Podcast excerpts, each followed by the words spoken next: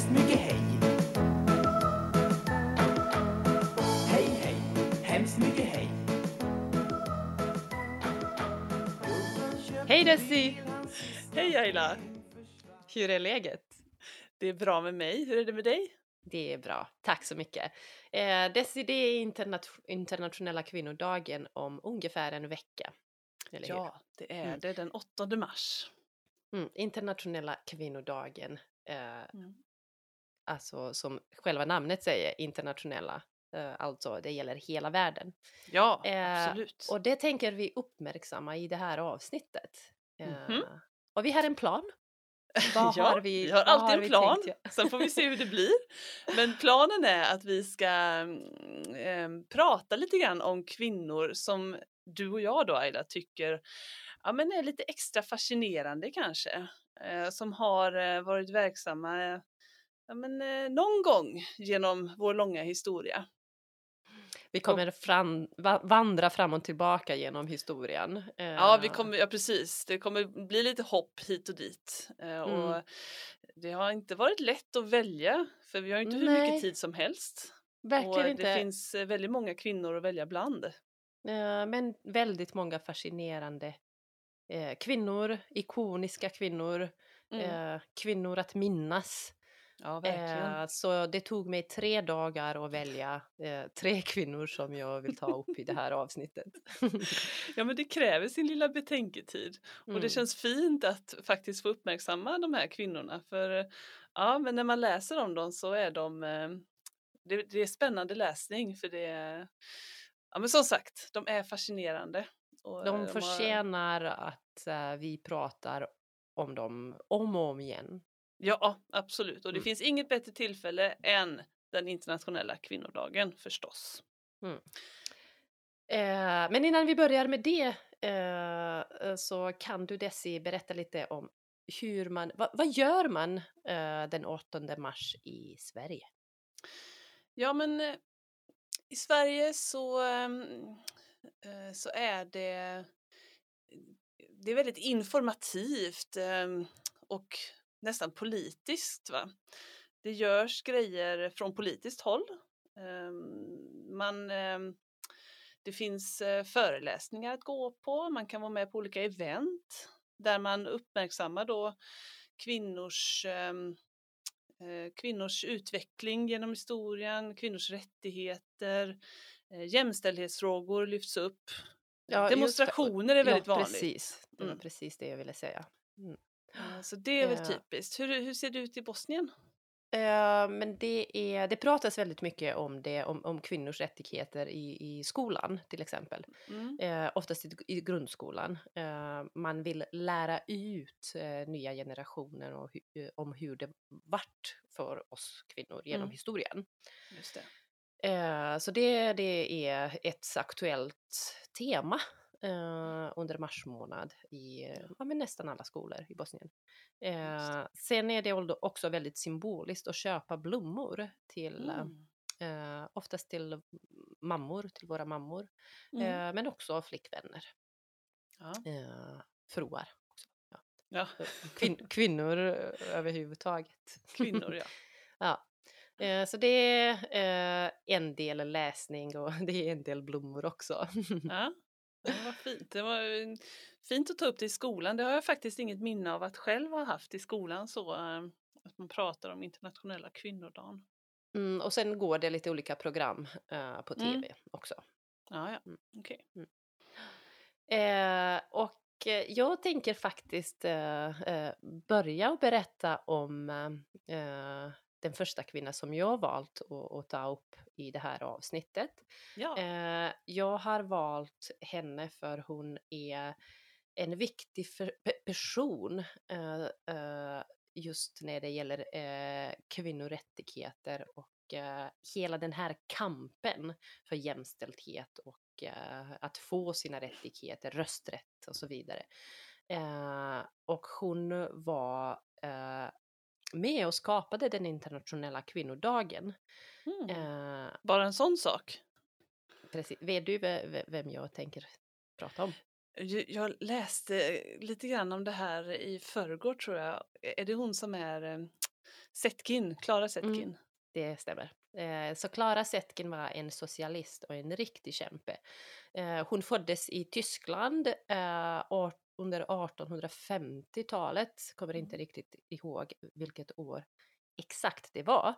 Eh, Och hon var en, eh, ja, men, tysk kvinnorättskämpe som var aktiv i Tysklands eh, socialdemokratiska parti eh, och senare i eh, kommunistpartiet också.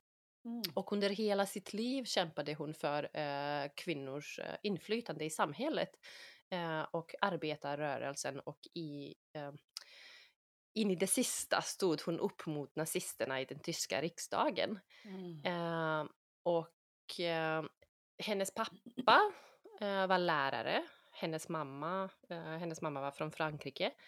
Eh, eh, var en aktiv feminist och arbetarklasskämpe.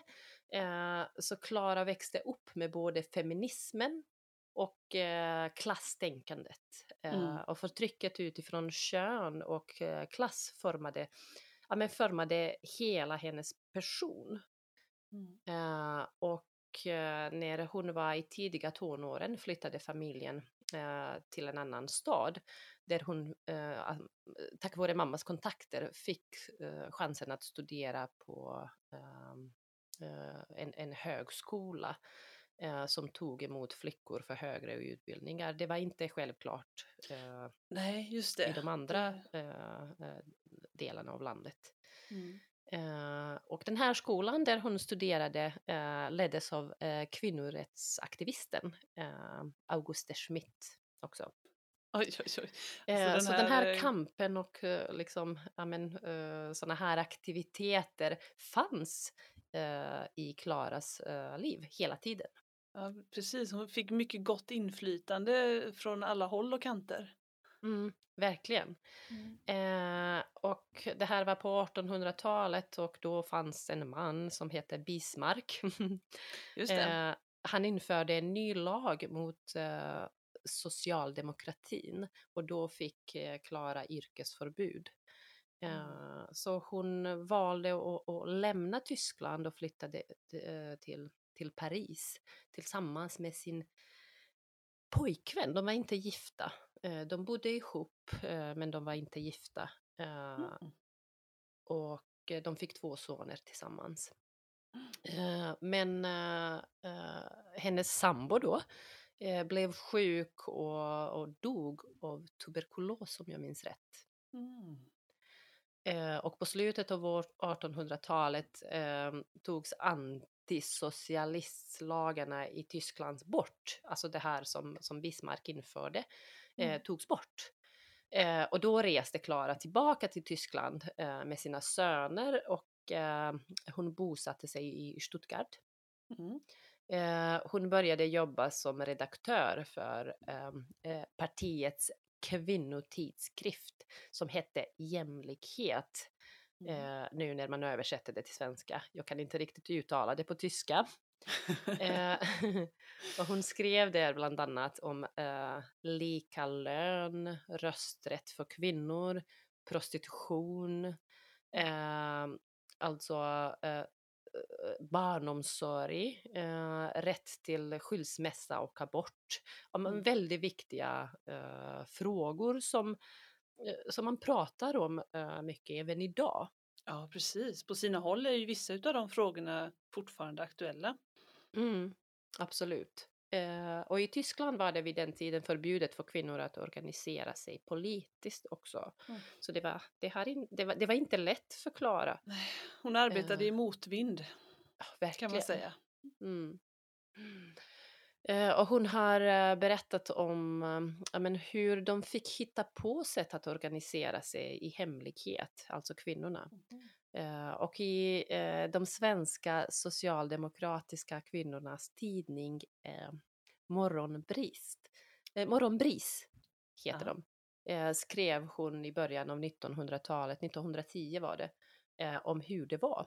Eh, och den, den tidningen eh, och eh, det som hon skrivit kan man hitta på nätet. Åh, vad spännande. Så Morgonbris från eh, 1910.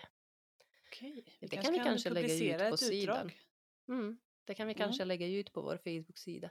Ja, precis. Och samma år valde hon, val, valdes hon till ordförande i Internationella Socialistiska Kvinnoförbundet. Mm. Och det var då hon eh, föreslog att de skulle införa en internationell kvinnodag. Ah, okej. Så det var två, eh, 1910. 1910. Mm. Eh, nio år senare så mördades eh, hennes två vänner, Klaras två vänner. Eh, och hon blev väldigt förtvivlad. Och, men, men det gjorde att hon eh, blev mer engagerad eh, inom de här olika politiska frågor eh, Mm. som hon eh, kämpat med jättelänge. Mm. Mm. Eh, och redan eh, 1920 någon gång där eh, valdes hon in i riksdagen för eh, kommunistpartiet, eh, KDP eh, kallades Just de också för. Eh, och eh, några år senare, under 30-talet, eh, blev hon eh, den äldsta ledamöten. Eh, Mm. Den tyska riksdagen ålders, ålderspresident kallade de Ja, det för. det. Mm.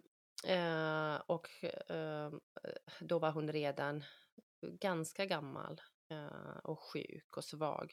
Att hon nä- nästan inte kunde gå. Eh, och hon levde många år under eh, dödshot också. Men eh, hon kom upp ändå och höll eh, ett tal om hur viktigt det var att gå samman i kamp mot växande, eh, växande fascism och nazism. Mm. Eh, då började Hitler komma. Eh, En person som tyckte precis motsatsen kan jag tänka Ja. mig. Precis. Mm. Mm. Han fick makten då. Eh, Mm. Och han eh, utestängde eh, den här eh, kommunistpartiet. Eh, Ja. Och de brände alla hennes skrifter, alla Klaras Mm. skrifter. Mm. Eh, och hon flyttade till Sovjetunionen. och dog där när hon var eh, 75 år gammal. Okej. ungefär. Vilket spännande liv. Ja, väldigt spännande, verkligen.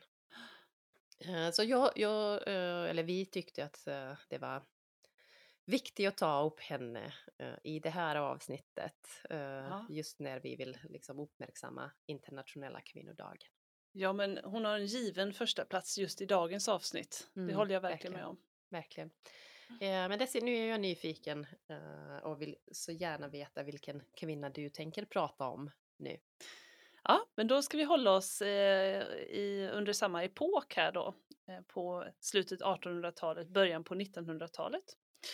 Eh, för då levde Marie Curie. Och eh, många känner säkert igen det namnet. Eh, hon föddes som Maria eh, Sklodowska i Polen faktiskt. Eh, men eftersom Polen var ett land, ja Polen var för övrigt inte Polen just då, det var en del utav Ryssland faktiskt. Eh, Men eh, den delen då, där fick kvinnor inte studera på universitetet. Och eh, Maria, som hon hette då, hon ville till varje pris studera. Eh, Hon var väldigt intelligent redan som barn och eh, drömde om att studera på universitetet. Då. Så hon och hennes syster de bestämde tillsammans att eh, de ska klara det här. De ska studera på universitetet. Och eh, de skulle finansiera varandras studier. Så medan den ena studerade så skulle den andra arbeta. Och det här var de då tvungna att göra utomlands.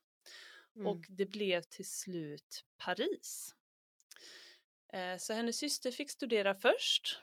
Och det gick bra. Och sen så studerade då Marie, som hon, hon tog det namnet för det var lite mer franskt då, när hon flyttade till Mm. Frankrike. Eh, Bara en sån sak, att behöva flytta till ett annat land för att få studera på universitetet det, i Europa. Eh, Bara för lite mer än hundra år sedan. Det känns nästan overkligt idag.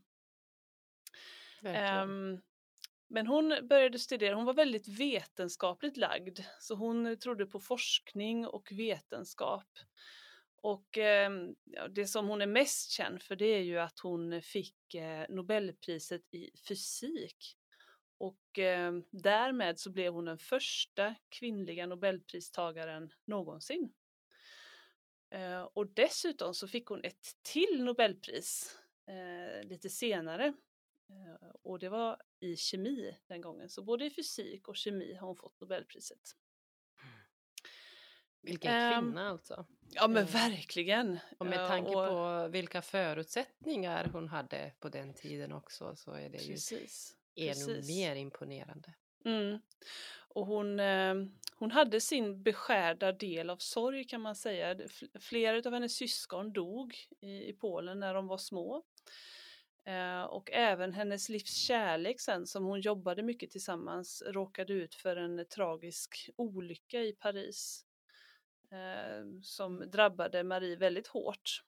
För de var, de var både eh, bästa arbetskamrater och liksom eh, livspartners, kärlekspartners eh, partners, som man säger. Mm. Hade barn ihop och allting. Men han, eh, han dog tragiskt som sagt. Men hon fortsatte ändå.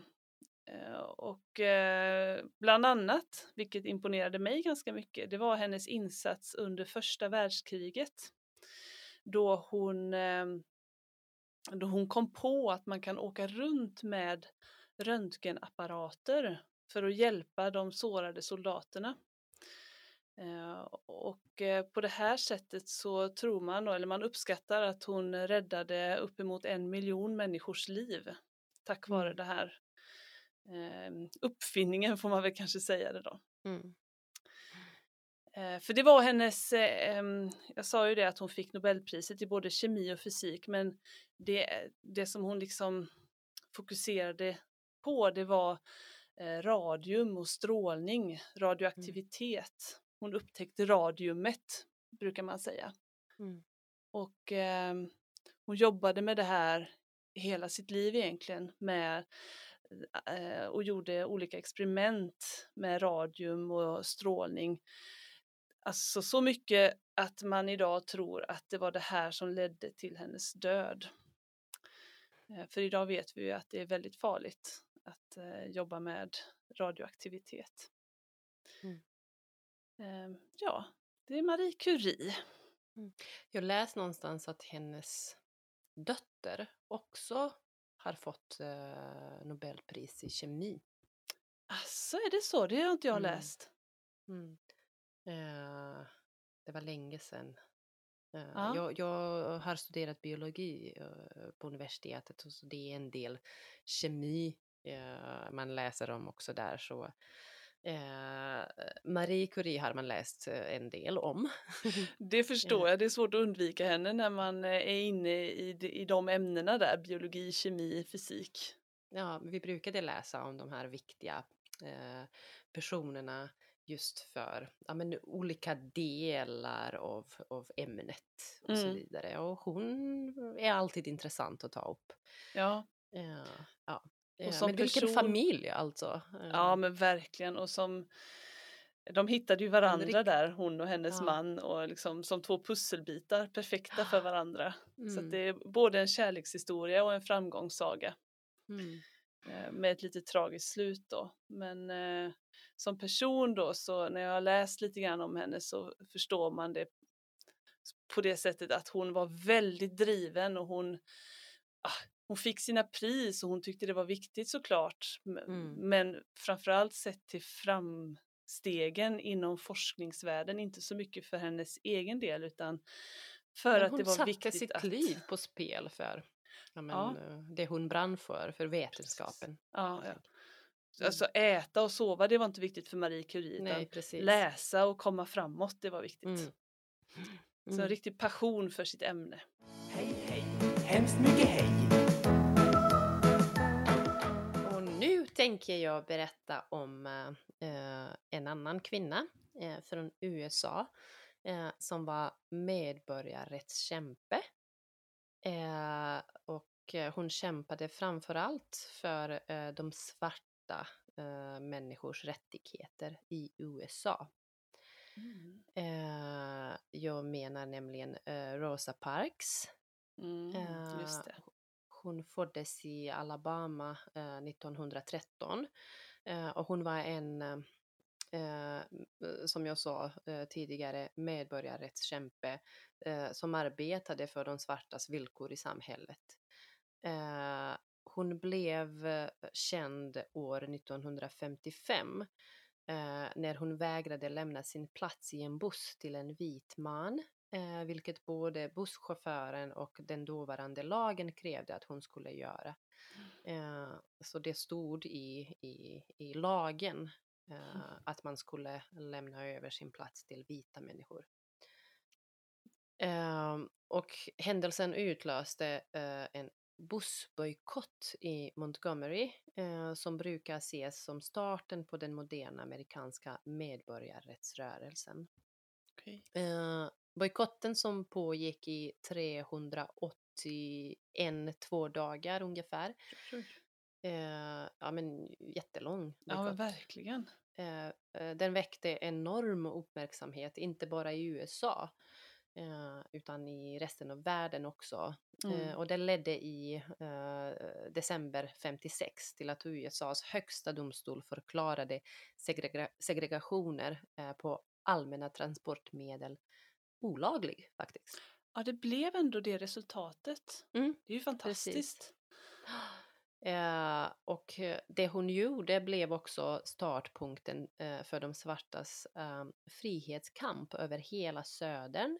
Eh, och år 1964 eh, ledde till att kongressen olaglig förklarade rassegregation inom alla områden i USA. Eh, så Rosa Parks har, eh, har därefter, ja, men, man brukade kalla henne efter det för the mother of the civil rights movement. Under sitt liv fick hon Uh, lite olika utmärkelser, bland annat Frihetsmedaljen och amerikanska kongressens guldmedalj. Mm. Eh, hon levde ett långt liv. Hon dog när hon var 92, alltså hon dog 2005. Oj, då hann hon ändå se många stora förändringar till det bättre. Förändringar, absolut, absolut. Mm. Jag hoppas att hon dog lycklig. Det hoppas jag med. Mm. Eh, ja, Desi, Ja. vilken kvinna tänker du berätta om nu? Ja, men nu ska vi se. Nu ska vi hoppa bak lite i tiden eh, till 1600-talet, mitten på 1600-talet ungefär. För då eh, levde i Sverige drottning Kristina faktiskt. Just det. Ett- eh, Hon hette Kristina och hon var drottning då för Sverige. Eh, Hon blev Sveriges drottning redan när hon var sex år gammal. Hennes eh, pappa, kung Gustav, nej vänta nu, Eh, Gustav den andra Adolf. Hoppas verkligen inte jag säger fel nu, det är en av de här riktigt kända kungarna. Eh, krigarkungen kallas han också. Han var en väldigt framgångsrik kung och eh, han ville att hans dotter skulle ha en prins uppfostran. Eh, det går en liten, ja men det sägs att eh, man inte visste att det var en, en flicka som föddes utan man trodde Eh, ett bra tag där i början att det hade blivit en pojke. Och alla firade att det var en pojke och sådär. Men sen så kom det fram då att oj då, det var visst en flicka. Och då ska kungen ha sagt att den här flickan, hon lurade oss alla. Och eh, hon ska ärva min tron. Och hon ska ha en prins uppfostran. Hon ska lära sig allt sånt som pojkar lär sig, trots att hon är en flicka. Och det här var inte alls självklart på 1600-talet utan kvinnor skulle bara, ja men de skulle lära sig spela piano och Mm. kanske sy och sådana saker. Mm. Inte lära sig om världen och samhället, politik, religion, eh, Mm. filosofi och absolut inte fäktas och rida. Mm. Eller leda ett land. Eller leda ett land, ja precis. Men allt det här fick ju då Kristina med sig från det att hon föddes helt enkelt. Och eh, eftersom hennes eh, pappa då, kungen, var ute och krigade eh, så dog han då tidigt. Det var därför hon blev drottning när hon var så liten. Och från det att hon fyllde 18 så direkt fick hon eh, den direkta makten då i Sverige. Och hon eh, regerade i Sverige i tio års tid innan hon bestämde sig eh, helt själv att abdikera, det vill säga lämna tronen för sin kusin, tror jag det var, eh, sin manliga kusin som blev kung då istället. Mm. Eh, Men under de här tio åren så hann hon eh, ja, men verkligen bedriva politik, bedriva det här drottningrollen då och styra landet. Eh, Och hon, eh, hon, blev, eh, hon blev känd runt om i Europa som en väldigt intelligent kvinna, en person som man kunde diskutera filosofi med, religion. Och, ja, men hon blev väldigt omtyckt också av folket hemma i Sverige. Mm. Så att, eh, det var inte så att andra ville att hon skulle lämna tronen utan det var hon själv som valde det. Eh, och det var en stor besvikelse där och då för hon valde också att lämna sin egen religion och som på den här tiden var hela Sveriges religion. Man fick egentligen inte vara något annat än protestant som man var då kristet protestantisk. Och hon blev istället kristet katolsk, vilket var ja men verkligen den största motståndaren på den här tiden. Så det var väldigt dramatiskt när hon bestämde sig för att göra det här. Eh, så eh, det blev turbulent, men så här efteråt så ses hon som en, men en sann visionär, en person som, som trodde på, på sig själv och på eh, sin egen fria vilja och att gå sin egen väg. Mm. Ehm, Så hon är, hon är intressant på det sättet att trots att hon hade press från alla håll och kanter Mm. eh, att, att göra någonting som alla tyckte att man skulle göra då, så gjorde hon Mm. någonting som var helt tvärt emot. Mm. Så hon var inte bra på att följa eh, de normer som fanns då i samhället. Nej, inte alls. Och det är bra att du säger det, för det var inte bara när det gäller vad hon själv tyckte, utan det var också hennes liksom, totala ointresse att eh, se ut på ett speciellt sätt. Hon ville Mm. be- eh, klä sig bekvämt och hon var väldigt naturlig. Eh, inget smink, inga peruker som var väldigt vanligt på den tiden. Mm, precis. Så att, eh, ja, helt och hållet sin egen på något sätt. Hon är Sveriges mest berömda drottning. Ja, absolut. Det är hon. Mm. I den moderna Sverige på något sätt då. Eh, och hon ligger fortfarande, eller hon ligger begravd i Italien. Ja, det gör hon, för hon flyttade dit ja. Mm. Hon ville ner till värmen och eh, ja, men, Mm. ett land där man kunde diskutera lite mer på ett annat sätt utan att vara så inbunden. Mm. Så redan då var det liknande skillnader som det är idag. Åh, vilken intressant kvinna. Ja, hon är jättespännande. Jag rekommenderar att läsa om henne. Hej, hej, hemskt mycket hej. Vilken är din eh, tredje och sista kvinna att prata om idag, Aila? Eh, min tredje och sista eh, kvinna skulle snarare kalla henne för tjej. Ja, kanske man skulle Eh, göra. för hon ja. är väldigt ung faktiskt. Hon är född 97. Mm. Eh, så jag tänker prata om Malala Jo- eh, Yousafzai. Jag hoppas jag uttalar det rätt. Eh, och hu- hon är en utbildningsaktivist. Eh, hon föddes som sagt eh, år 97 i Pakistan. Och hon blev världskänd år eh, 2012 då hon sköts eh, eh, när hon var 15 år gammal då. Eh, Så hon blev skjuten i huvudet och nacken eh, av talibaner när hon var på väg hem från skolan. Eh, Ett straff för att hon tog plats och höjde sin röst och vågade stå upp för flickors rättigheter. Men kulan kunde inte tysta henne. Nej.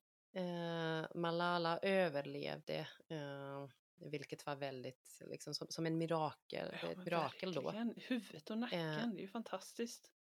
Ja, eh, och det syns nästan ingenting på henne, kanske lite grann när hon pratar, är helt fantastiskt. Eh, och hon har sedan eh, blivit en symbol för kampen för flickors rätt till utbildning. Mm. Eh, och Malalas orädda kamp har skapat en global rörelse för flickors rätt till skolgång eh, med stöd av eh, FN faktiskt. Mm.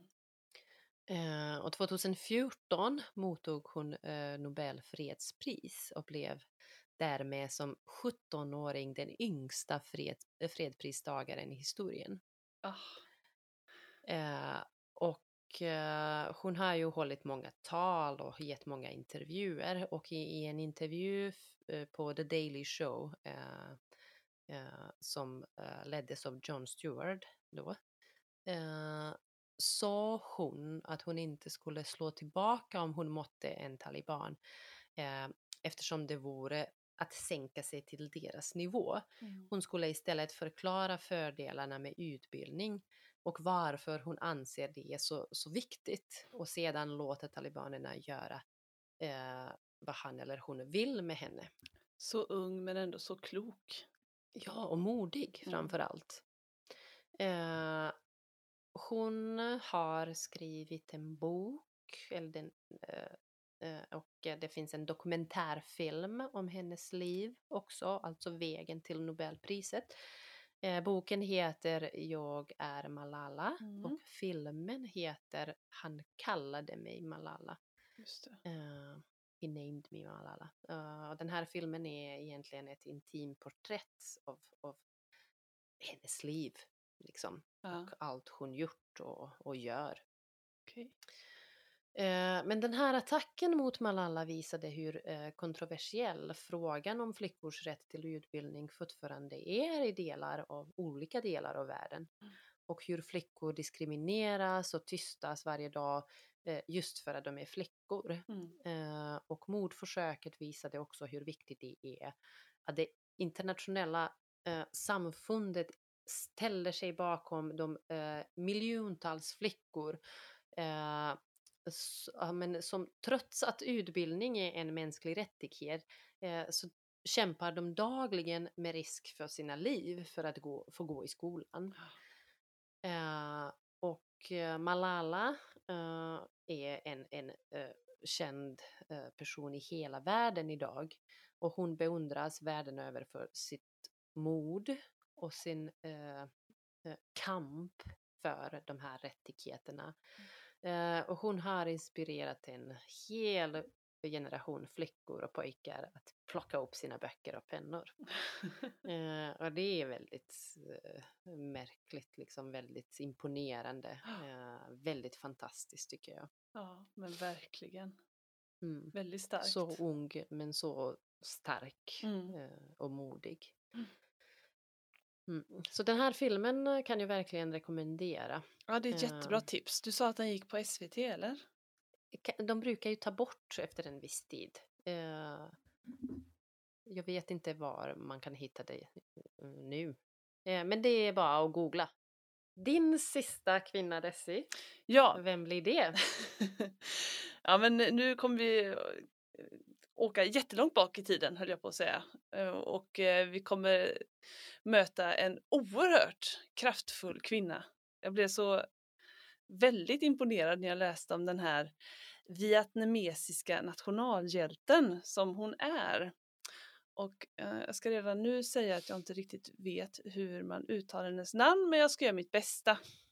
Hon heter Chu Chi-Chin. Och hon kallades också Lady Chu. Och hon föddes Mm. 225 i Vietnam. Så att det är ju, ja men, hmm, knappt 2000 år.